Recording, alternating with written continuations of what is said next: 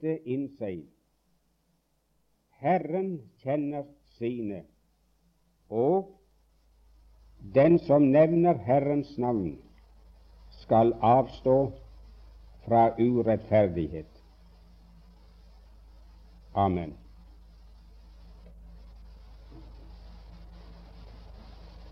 Verden som et hele har vel aldri opplevd en så urolig og usikker nyårsdag som denne.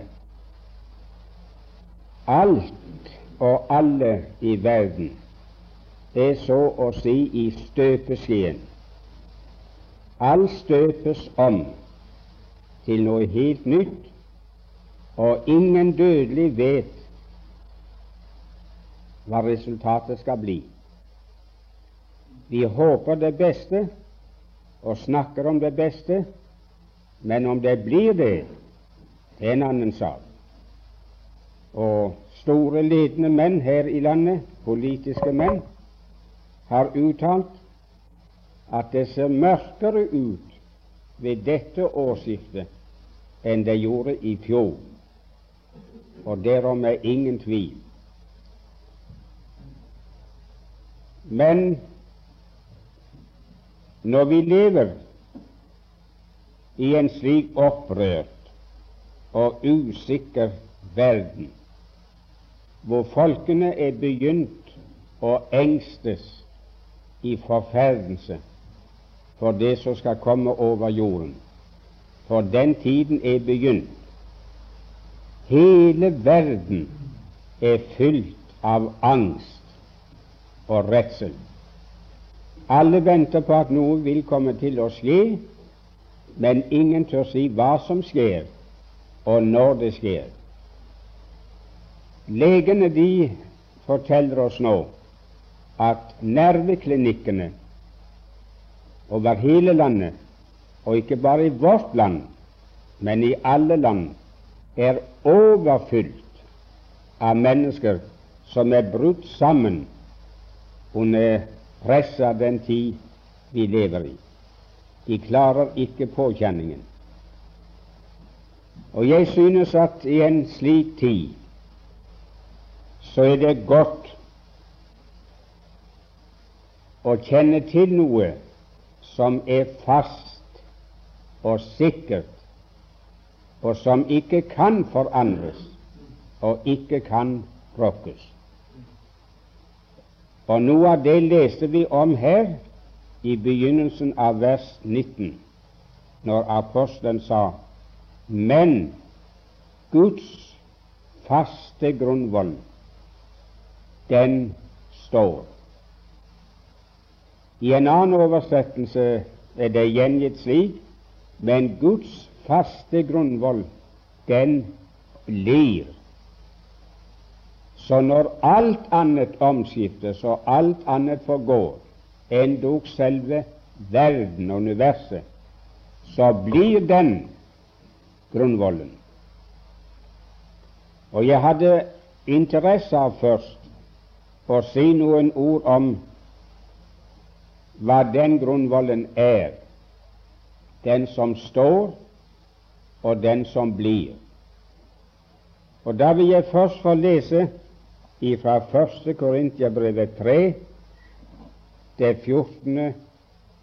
Nei, 3 og der i 10. til 11. vers.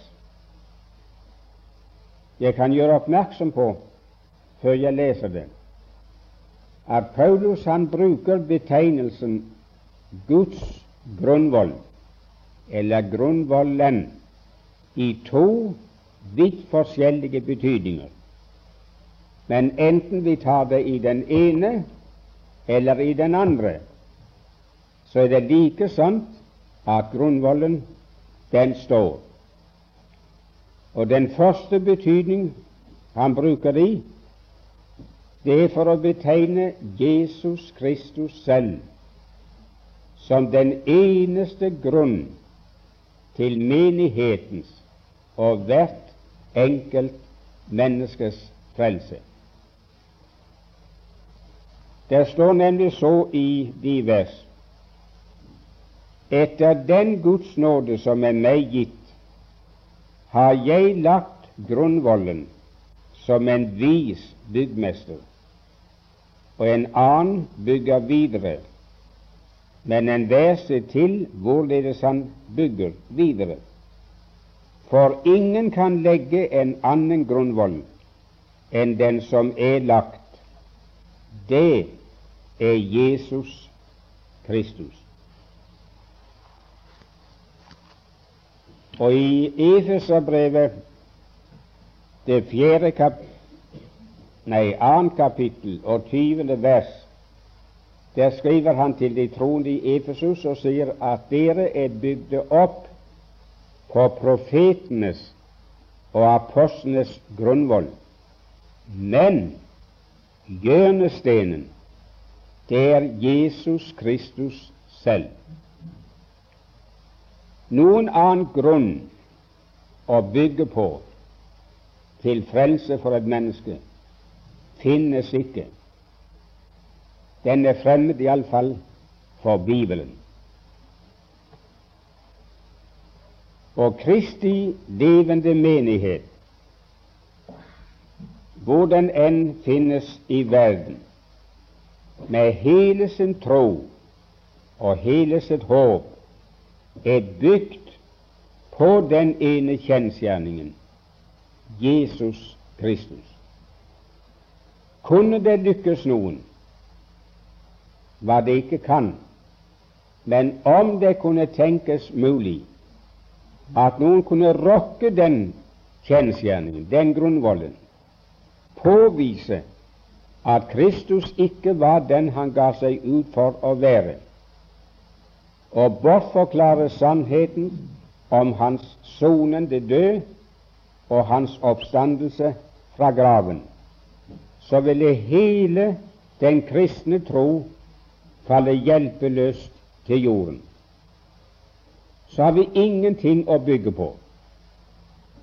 I Korintiabrevet vet vi det står, 15. kapittel, at dersom Kristus ikke er oppstanden, så er vi ennå i våre synder. Og da er endog de fortapt som er hensovet i troen på ham.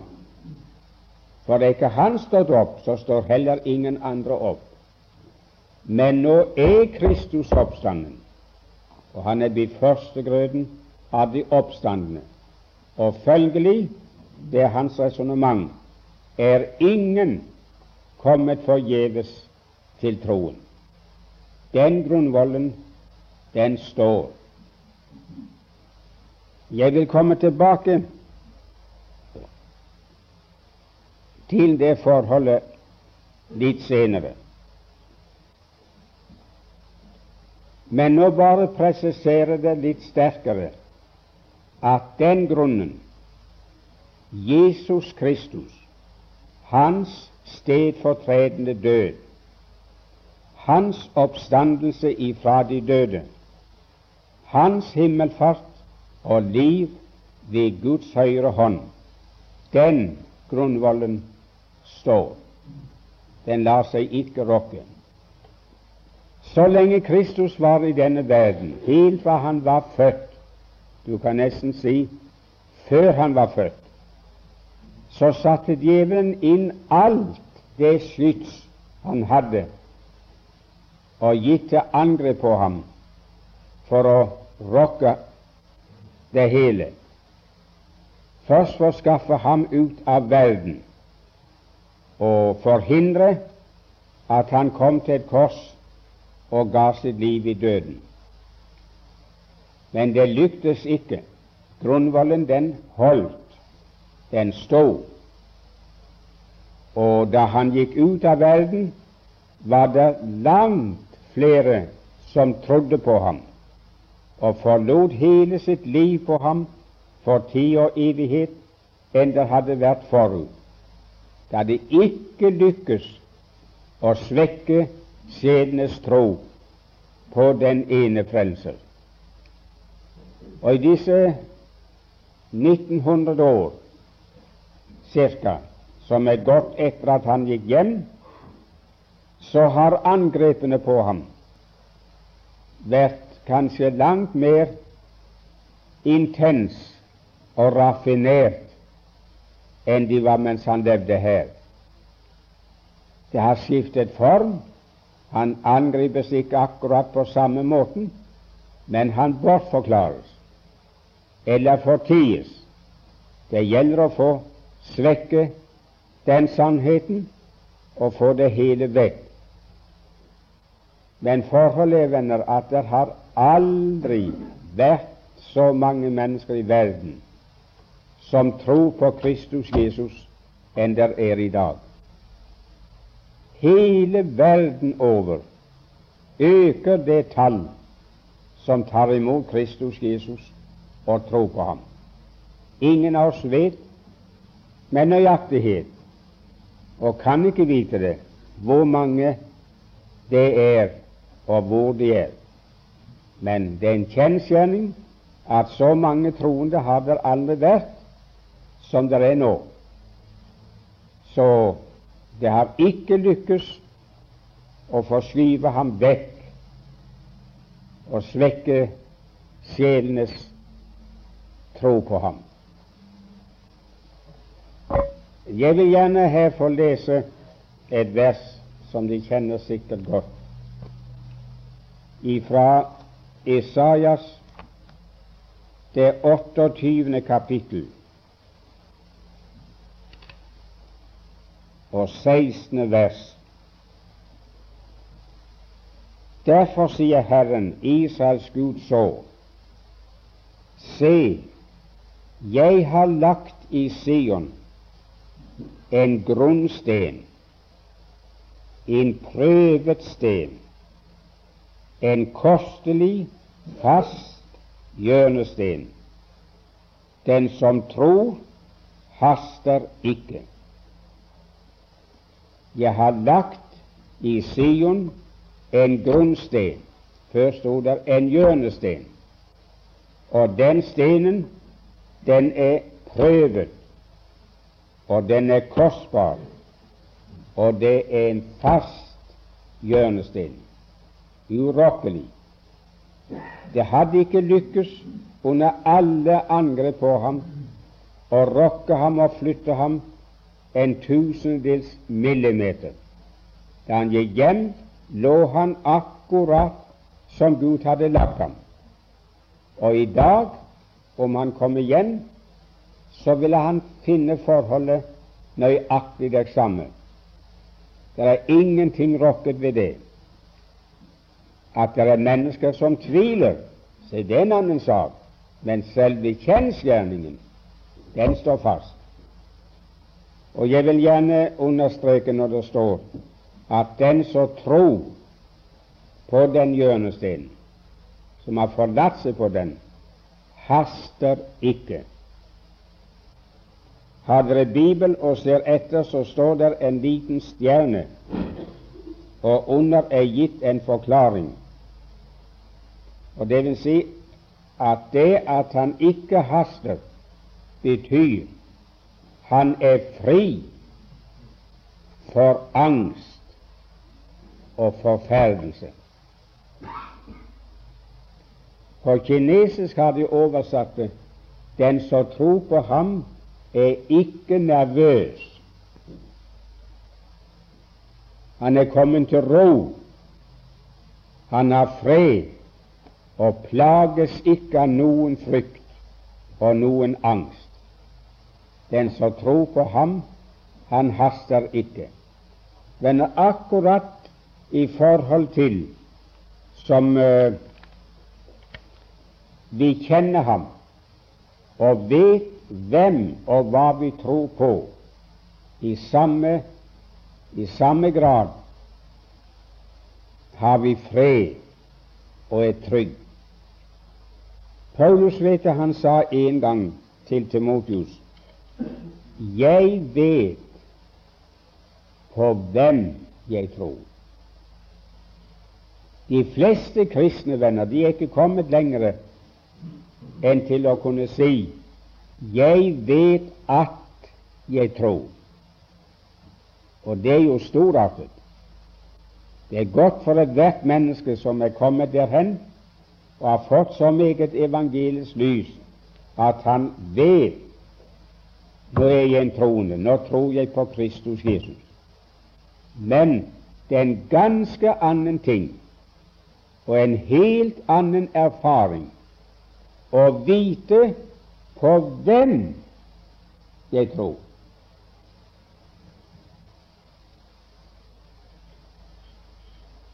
Når du går over en bro, lever deg ut på den og går over strømmen og elven, så tror du på den.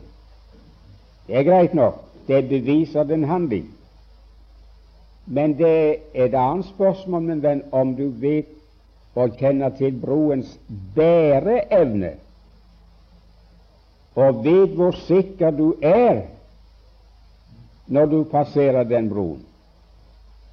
Jeg har fortalt sikkert her på Åkra før om uh, han mannen som skulle gå til nabosognet en vintersdag. Det var lang vei, det var et par norske mil. Men hvis han tok tvers over heia og gikk over vannene som lå tilfrosset, så kunne han spare inn sånn omtrent halvveien så visste han hvordan forholdene var i hans sogn, og hvor sterke vannene var der. Men han visste ikke hvordan været hadde vært i nabokommunen, og om isen var sterk der. Og så var han av den typen at når han gikk på sånn grå is, så følte han seg trygg.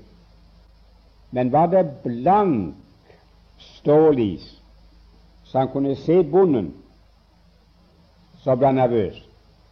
Så begynte det å, å bevege seg i magen, og han ble svimmel, og han vågte ikke på å gå. Han var redd for at nå, nå brister det, nå går det igjennom, og så er jeg ferdig.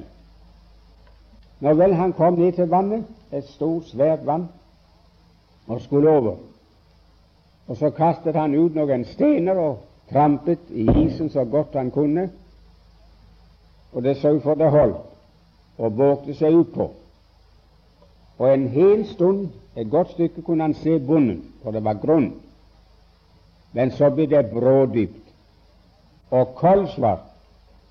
Han så tvers igjennom blanke stålisen, og så tok redselen ham. Så tenkte han dette blir vel min siste reis. Så stanset han opp. Ikke tørde han gå frem, og ikke tørde han gå tilbake. Men så falt han inn og tenkte å stå her, det er det galneste jeg kan gjøre hvis isen er svak. For nå hviler hele legemstyngden på ett eneste lite punkt. Det er farlig. Så la han seg flatt ned så lang han var, for å fordele legemstyngden på en større flate. Og så ålte han seg frem, omtrent som en makk. Det gikk sent, og han tenkte ja, ja, jeg skal ikke tjene inn meget på veien, skal jeg måtte krype over. Men over måtte han, det var ikke noen vei, og tilbake tør han ikke gå.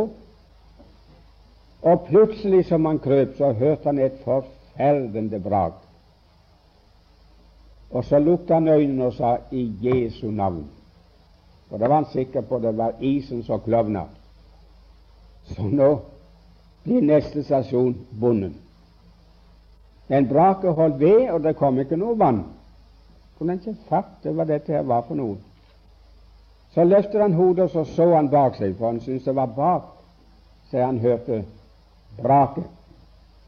Og da så han en mann kom kjørende med to hester og et svært tømmerlass. Men da skal jeg love deg han kom opp. Og så stakk han av, for mannen hadde samme retning som han. For skams skyld ville han ikke at han skulle se hvem det var som hadde krøpet på isen. Nå visste han ikke venner bare at isen holdt, men nå visste han hva han hadde forlatt seg på. Nå hadde han et begrep om tykkelsen og bæreevnen av isen. Det fortalte hesten og tømmerlasset ham. Og med en gang, venner, så fikk han andre følelser. En helt annen erfaring. Før lå han og krøp der i angst og redsel, sett at det brister. Nå var det strøket vekk. Nå var han helt sikker. Bærer isen den hesten og tømmerlasset, så bærer den meg. Tenk over det, min venn. Paulus sa, 'Jeg vet på hvem jeg tror'. Jeg kjenner ham som jeg har forlatt mitt liv på, og jeg vet det holder. Og jeg er fullt viss, sa han ved flere anledninger. Det var ingen tvil, ingen frykt og ingen angst, for han visste hva han hadde forlatt seg på. Og det er mange troende venner som er troende, det er ikke tvil om det. Men for noens vedkommende er det så vidt de tør tro at de er en troende. Det er snaut nok at de vet at de tror, og langt mindre vet de hva de tror på. Å, min troende venn, har du bygd din frelse, ditt liv, ditt salighets- og evighetshåp på Kristus Jesus, så holder det. For den grunnvollen, den er prøvd og er kostbar og dyrebar i Guds øyne. Og ingen av dem som tror på ham eller tar sin tilflukt til ham, skal bli til skamme. Det holder i livet, og det skal holde i døden. Før jeg uh, går fra det der, så hadde jeg lyst til å ta meg den frihet og spørre alle dere som sitter her, er de kommet opp på den grunnen? Står du på den klippen som holder i liv og i død? Det er ikke alle venner som vet det. Mange de går med et slags håp om at det skal gå dem vel til slutt. Men de har aldri hatt en slik opplevelse i sitt liv at de har kommet til tro på Kristus Jesus og vet at Han har frelst meg. Der lever de i usikkerhet og i mørke. Og for alt det jeg vet, så kan jeg sitte noen sånn her selvbedragen sjel i kveld. Jeg vil bekjenne det for dere venner. Jeg har satt nå i hele jula og hørt på radio på gudstjenestene, på juleevangeliet og nyttårsevangeliet og alt det der. Og jeg har hørt meg sjelesyk. Det er ikke én av de som har forklart det minste om den teksten de har lest. De har bredt seg ut over alle mulige ting og sagt mye godt, mange sanne ting, men aldri et eneste ord om at et menneske må bli frelst, og ikke et eneste ord om hvorledes de skal bli frelst. Det har vært noe religiøst, gudelig, fint snakk, noe idealistisk, jeg har nesten sagt tøv, som aldri kan frelse et menneske. Jeg tenkte på i dag når det var talt om Men noe han kunne ikke vente av en slik mann etter det han har skrevet før. at du skal kalle hans navn Jesus, for han skal frelse sitt folk fra deres synder. Og så klarte han å prestere å stå der i vel en halv time og tale om noe sånn religiøst, fromt, kristelig, idealistisk, men ikke en stavelse om å bli frelst ifra sin synd. Ikke et ord om at det var nødvendig for mennesker å bli frelst fra sin synd, og heller ikke hvordan man blir det. Alt det der var utelatt. Det gale det lå ikke i det som var sagt, verken i dag eller de andre dager, men det lå i det som ikke ble sagt. Det var talt som det var kristne folk, alt som satt der, alt som de hørte, alle som hørte, og ingen behøvde å omvende seg til Gud. Å, min venn, jeg vil få lov å si det så alvorlig jeg kan. Har du ikke gjort den opplevelse, den erfaring, at du har bygd på denne grunnvollen, tatt imot den Herre Jesus som din personlige frelser, så går du redningsløs fortapt. Alt det andre, min venn, som er religiøst og fint og fromt i ditt liv, hjelper deg ingenting. Ikke et hår. Det er en og alene troen på Hans navn og Hans verk som berger din sjel. Så du ikke kommer opp på den grunnvollen og har opplevd noe av at du er blitt fri for angst og forferdelse, så må du se og la det komme dertil i dag. Nå går det fort i verden, ikke bare med det enkelte menneskets liv, men med verdens liv og verdens skjebne. Og det kan ha grenseløst stor hast med å vende om til Gud og få sin sjel frelst, og komme opp på den klippen som står sikkert i stormen. Faller grunnvollen, skjønner du, så faller huset som er bygd på den. Holder ikke det jeg tror på og har satt mitt håp til, så faller jeg selv sammen.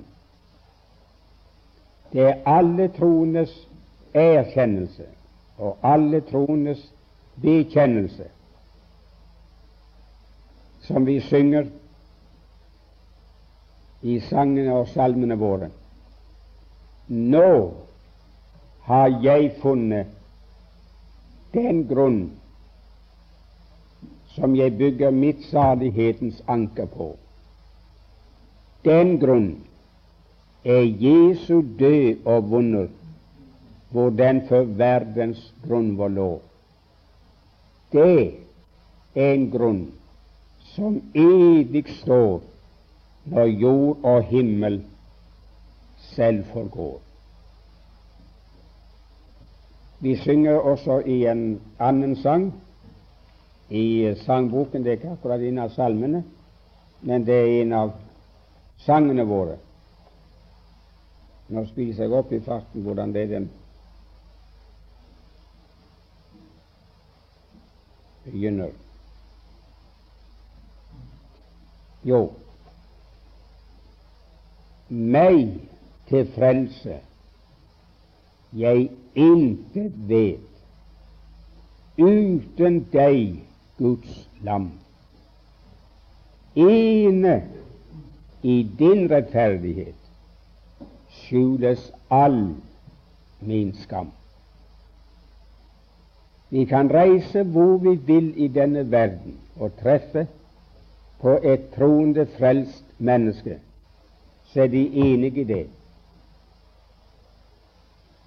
Det er alle frelste, gjenfødte menneskers bekjennelse.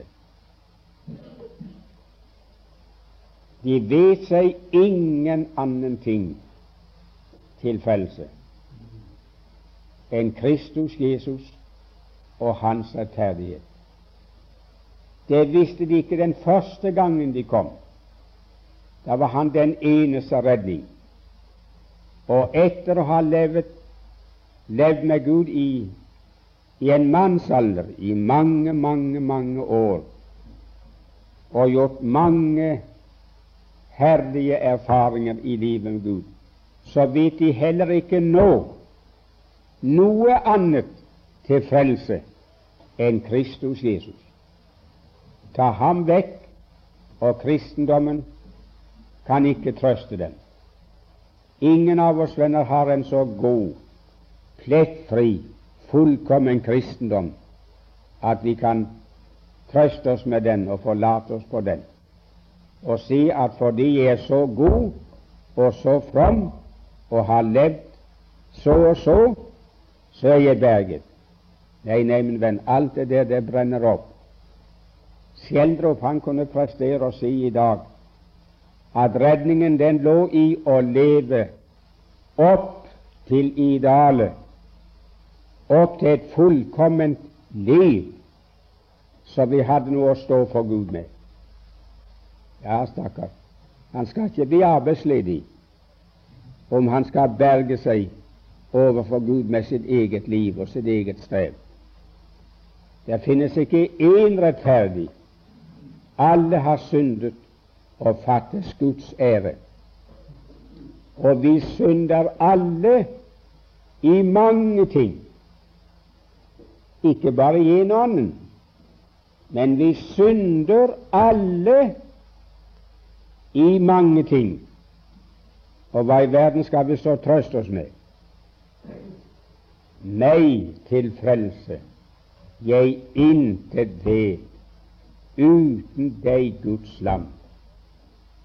Ene i din rettferdighet skjules all min skam.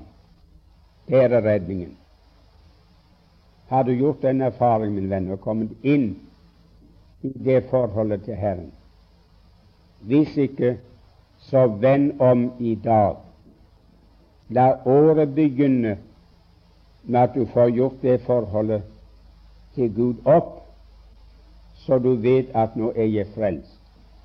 Og nå vet jeg både at jeg tror, og jeg vet på hvem jeg tror.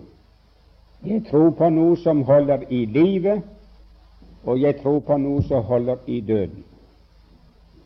Og det er ingen vanskelighet, venner, ved å få den sak i orden. Det er ganske enkelt å vende om til Gud og tilstå saken og stillingen som den er, og si 'Herre Jesus, frels meg'. Det er ikke noe annet. Noen de snakker om og tviler på om de er, om de er rett omvendt. Det var jeg også plaget med en tid. Men jeg tror at om her sitter noen som har det uklart, så skal jeg kunne hjelpe deg. Peter Hans sier på pinsedagen så fatt da et annet sinn og vend om, for at eders synder må bli utslettet. Å vende om det å fatte et annet sinn, et annet sinn enn det vi har av naturen. Hvordan er det sinnet som vi har fra før? Jeg skal illustrere det. I vårt forhold til Gud så har vi satt fingrene i ørene. Så hvis Han har noe Han vil si oss, takk, jeg er ikke interessert. Jeg bryr meg ikke om det. Det eneste jeg bryr meg om, det er verden og det verden har å gi. Og så har vi lukket øynene. Så hvis Gud har noe Han vil vise oss, takk, jeg er ikke interessert. Bryr meg ikke om det. Og vil Gud ta oss inn til seg, så snur vi ham ryggen, og så flyr vi. Det er det sinn, venner, ethvert naturlig uomvendt menneske har. Hva er det å fatte dannet sinn? Det er ingen annen ting, min venn, enn å gjøre så. Når jeg står med fingrene i ørene, så tar de ut, opp med øynene, og så snur jeg meg mot Gud og sier, Å, Herre, tal, nå hører jeg. Og hvis du nå har noe å vise meg, så vis meg det. Nei, jeg vil ikke se, enten det er min synd eller den frelse du har gitt meg, Kristus Jesus. Å, vis meg det. Og hvis du nå vil ha meg, og kan ha meg, så ta meg. Vær så god, nå er jeg her. Nå skal ikke jeg hindre det lenger. Men når det mennesket har tatt det standpunkt overfor Gud, så er han omvendt. Og han er rett omvendt. Det gis ingen annen omvendelse. Det å vende seg til Gud ifra verden og det som hører verden til. Og den som gjør det, min venn, han får sine synders forlatelse. For ingen av dem som tar sin tilflukt til ham, dømmes skyldig. Så saken den er enkel. Det granne jeg sa nå, det har jeg sagt mange andre steder når jeg har talt. Og det er mangfoldige mennesker jeg vet om, som bare ved det har fått lys og sett hvordan det henger sammen. Og de har handlet etter det på flekken. De har stanset igjen når møtet var slutt, og kastet seg på kne og sagt, Å Herre, nå lukker jeg øynene opp. Har du nå noe å vise meg, så vis meg det. Vil du nå ha meg og ta meg, så er jeg her, vær så god. Og har du nå noe å si, så tal. Og taler du ikke, så blir det min død. Og ingen, min venn, har gjort det forgjeves. Ingen gjør det forgjeves. For Herren skynder seg til å hjelpe en slik akkurat som da den forlorne sønnen reiste seg fra stenen og fra svinene og gikk hjem. Før han var kommet hjem, men han, mens han ennå var langt borte, så hans far ham og løp ham i møte. Slik er Gud, og slik er han i kveld. Når det får være nok om det. Men så taler Paulus også om, om uh, en annen grunnvoll, eller grunnvoll i en helt annen betydning. I det tredje kapittel i første Timotius står det i 14. og 15. vers Dette skriver jeg til deg, skjønt jeg håper snart å komme til deg. Han var satt som forstander, og så skriver han et brev til ham og sier jeg regner med at jeg skal komme til deg snart, så vi kan snakkes personlig. Men om jeg venter med å komme, at du da kan vite hvorledes en bør ferdes i Guds hus som er den levende Guds menighet. Vil dere alle merke dere det? Hvorledes dere skal ferdes i Guds hus. Hva er det for noe? Er det en bygning av tre og stein? Guds hus, som er den levende Guds menighet. Det er de som har latt seg frelse, og som et lem på Kristi legeme. Hans hus, det er vi.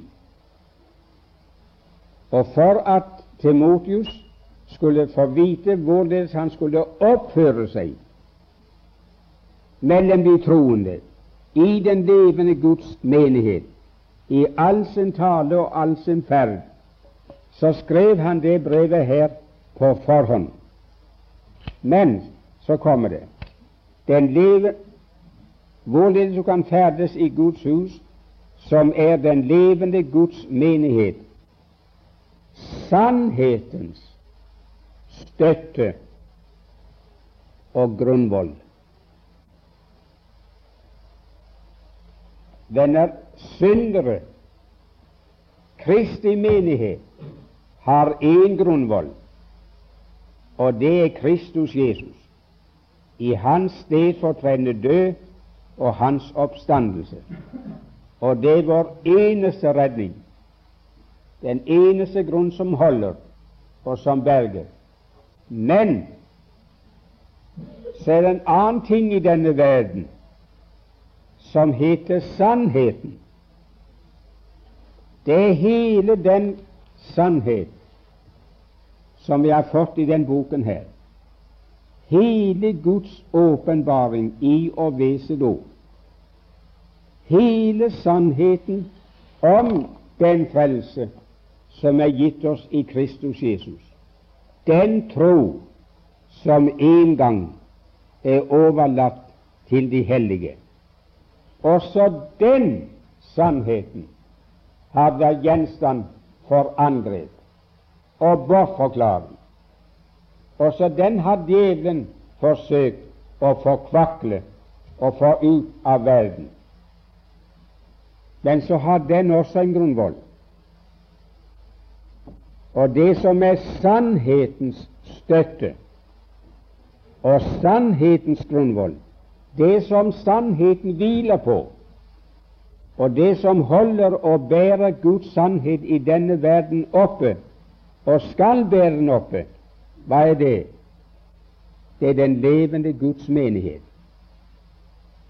Den levende Guds menighet som er sannhetens støtte og grunnvoll.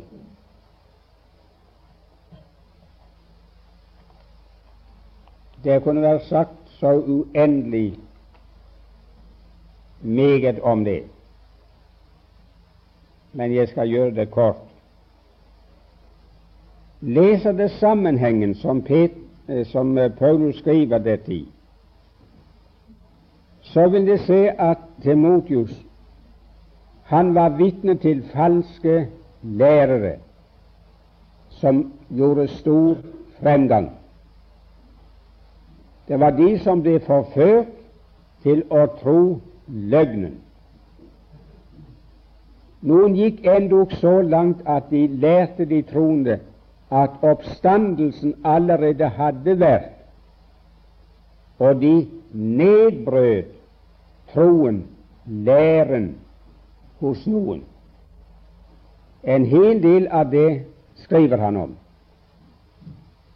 Men når alt det brytes ned, så, og, og løgnen og velfarelsen tar overhånd, så sier han men til Motius det er rett nok det du ser, det du hører, det du er vitne til, men det er en motsetning til alt det du ser brytes ned.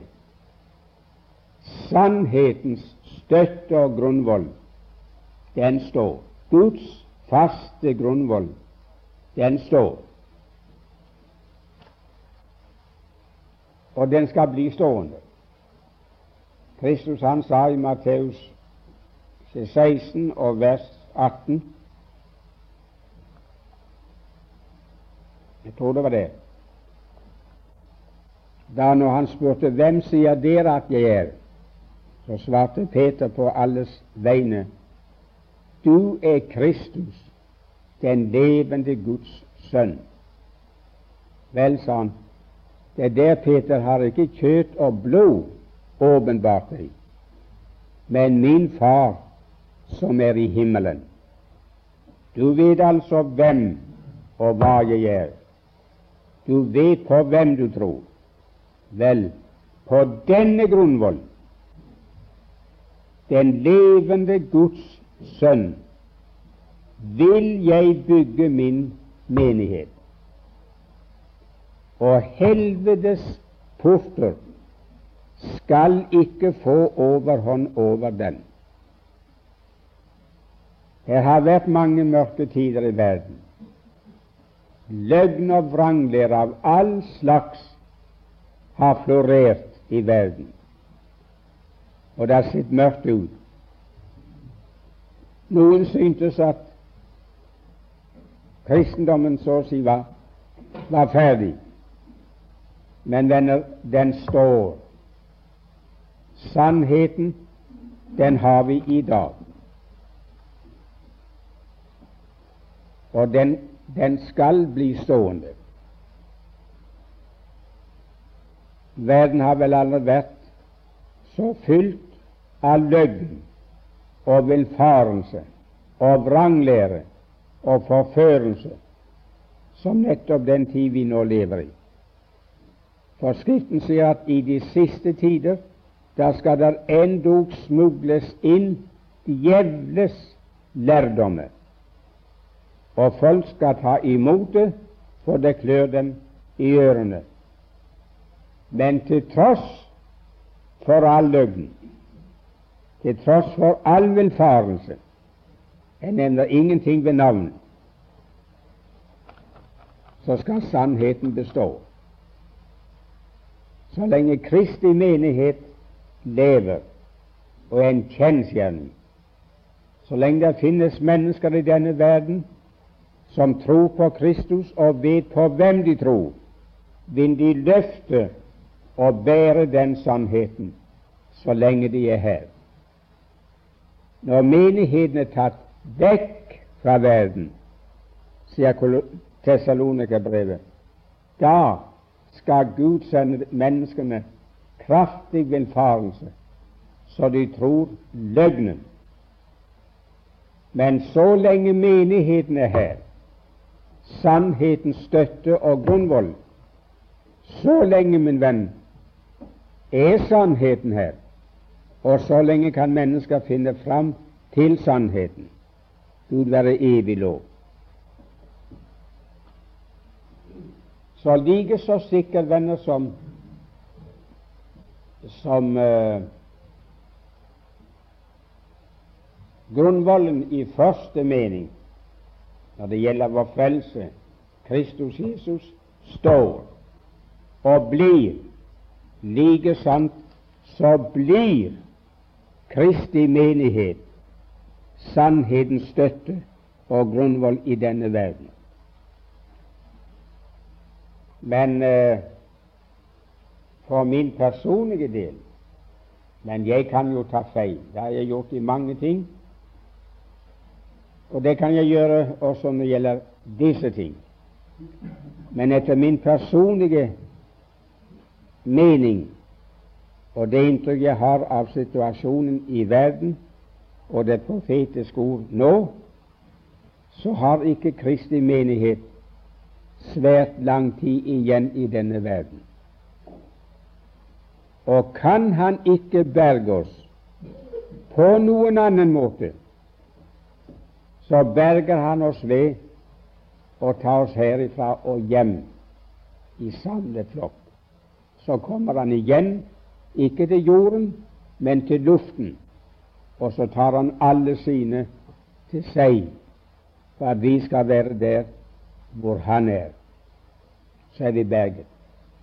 Jeg satt her på stolen og tenkte på da disiplene var tvungne til å gå inn i båten og fare over til den andre siden av Genesasjøen, så røk det opp med storm og et forferdelig uvær. For stormen, den var imot, og de rodde og slet alt hva de formådde og skrek av redsel. Voksne mannfolk som hadde levd sitt liv på sjøen og tatt sitt ære derfra hele sitt liv.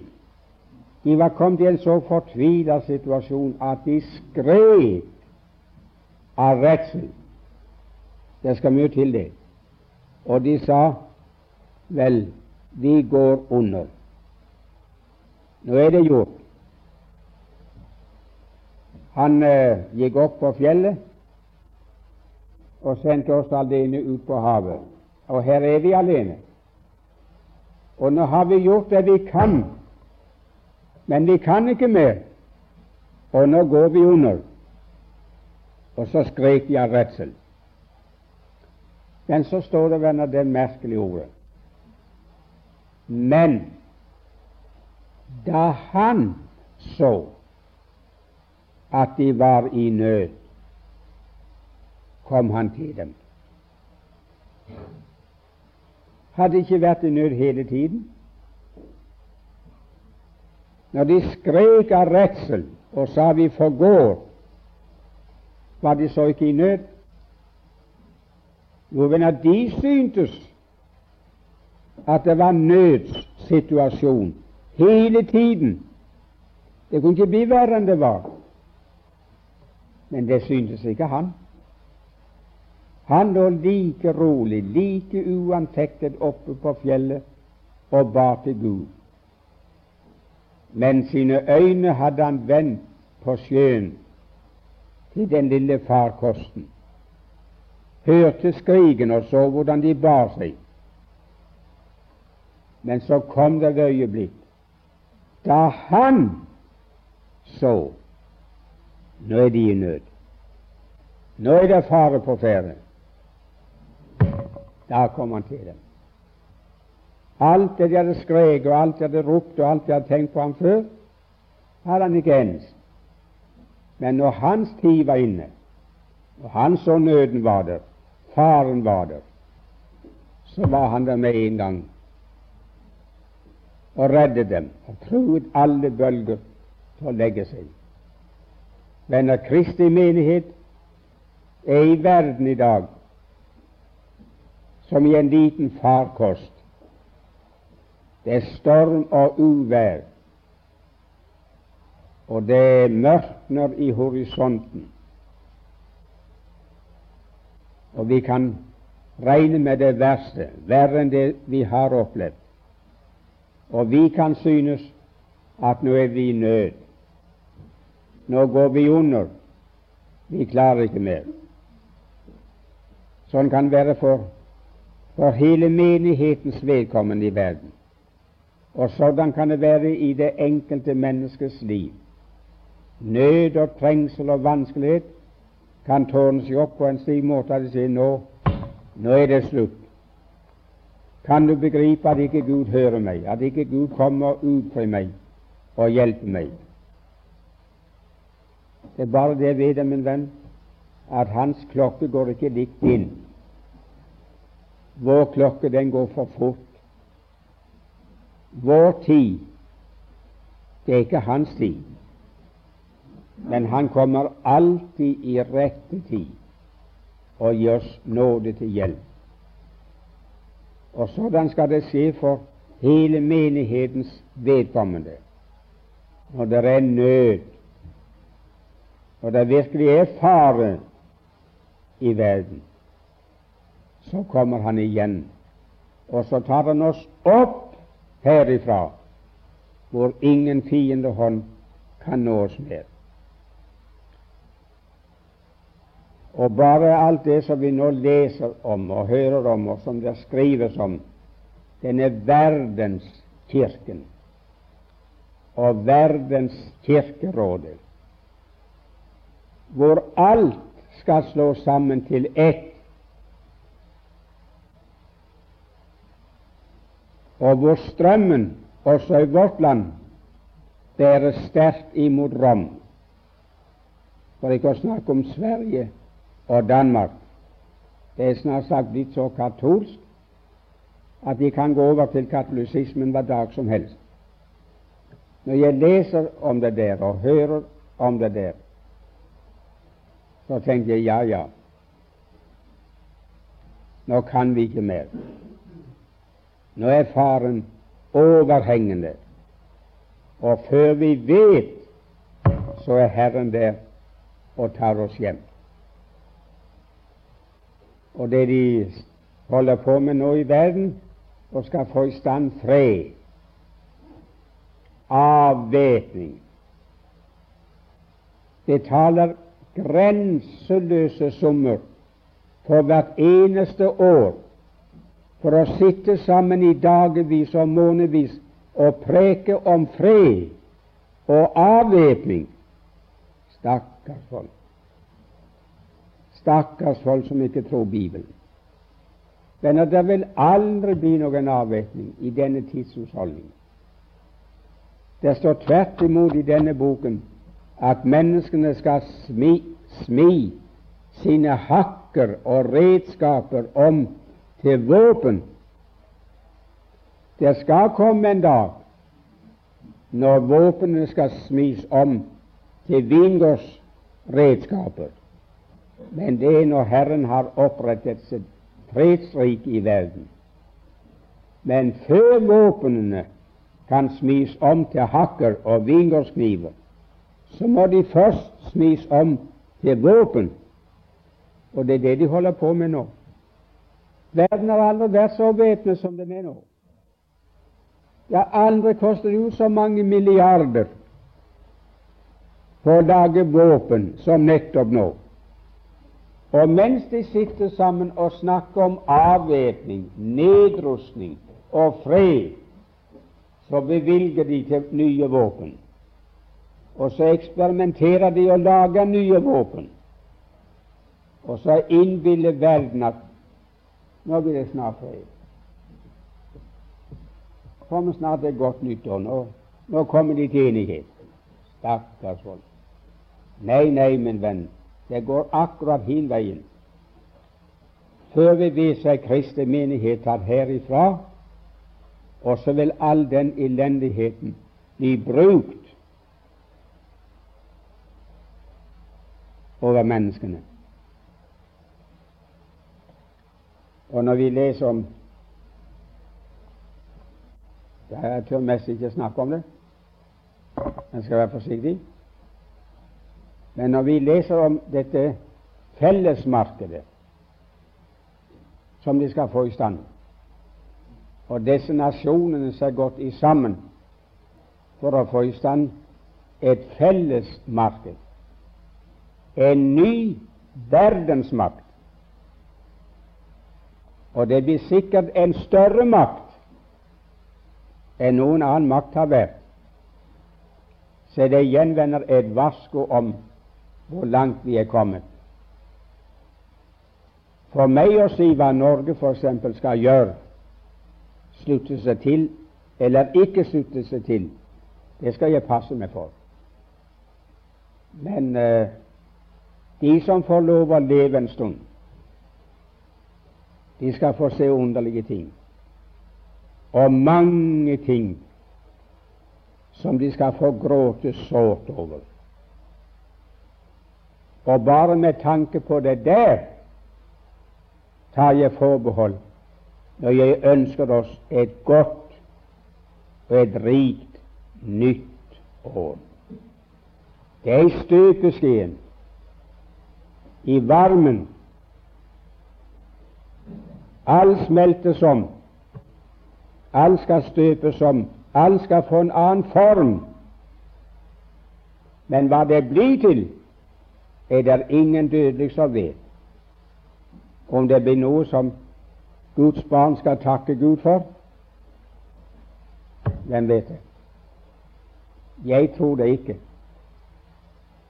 Vårt håp det er ikke en forbedring av verden og av samfunnet, men det er Hans komme som er gått tilbake til himmelen. Så har jeg bare den trøsten at enten gjelder min frelsesgrunn, eller det gjelder Guds menighet, sannheten i denne verden, så stå og blir i grunnvollene. Men denne verden, med alt hva den er og har, den skal få gå. Jeg skal slutte der. Fader i himmelen, Jeg vil gjerne få takke deg for min egen personlige del, for du en gang rakte din hånd ut og grep fatt i meg, rørte ved mine øyne, så jeg kunne se den grunnvoll du har lagt til frelse for syndere i denne verden. Og fordi jeg fikk oppleve å komme inn på den grunnen, og kan telles i dag mellom dem som er bygget opp på apostlenes og profetenes grunnvoll. Takk for hva du har vært for meg i alle de år som ligger bak, også det siste året. Så jeg står på den grunnen også i kveld. Takk for hver eneste en, Herre, som da får redde i det siste år, også her i vår krets og i vårt land. Det er nådig fra din hånd. Og ettersom det mørkner i verden, ettersom det larmer, havet og bølgene de bruser, så ber vi deg, kjære Herre, om nåde. Kan det gjøres mer enn du har gjort? så gjør det for at vårt folk som ennå ikke er frelst, må berges. Du har sagt at ennå en gang skal du ryste jorden og himlene, og rystelsen den er forestående. Kjære Herre, gi vårt folk forstand til ikke å avvise deg som taler fra himmelen, men vende om og få del i det riket som ikke skal rokkes, men stå for evig. Takk for frelsen i ditt blod. Takk for vi får leve og kan leve i den erkjennelse at meg til frelse jeg intet vet uten deg, Guds lam. Den ære vil vi gi deg og bekjenne det i verden. Vi har ingenting å rose oss av uten deg. Og takk, kjære Herre, for at din menighet, hvert gjenfødt menneske som er lem på ditt legeme, står på denne grunnvollen som ikke kan rokkes. Og de er selv en grunnvoll for din sannhet i verden. Så lenge vi er her, så lenge skal din sannhet være her. Og så lenge kan sjelene finne fram til frelse og til liv. Og vi ber deg, kjære Herre, om nåde over land og folk og selv, ja, for verden, for det året vi går inn i. Er dagen kommet som du har bestemt, da du skal dømme verden med rettferdighet, handle med oss slik som det er fortjent, så er alt håp ute. Vi ber deg om nåde, kjære Herre. Det eneste som kan berge oss, og har berget oss til denne dag. Styrelsen av verden, den er likevel i dine hender. Djevelen har makt, men makten, det er din i all evighet. Gi oss så, Herre, å kunne vite i noen monn på hvem vi tror, så vi kunne være fri for angst og forferdelse, og ha det godt midt i denne larmende verden. Og vite det at når du ser at din menighet for alvor er i nød, så kommer du til oss og henter oss hjem til deg. Takk for det salige håp du har gitt alle dine. Amen.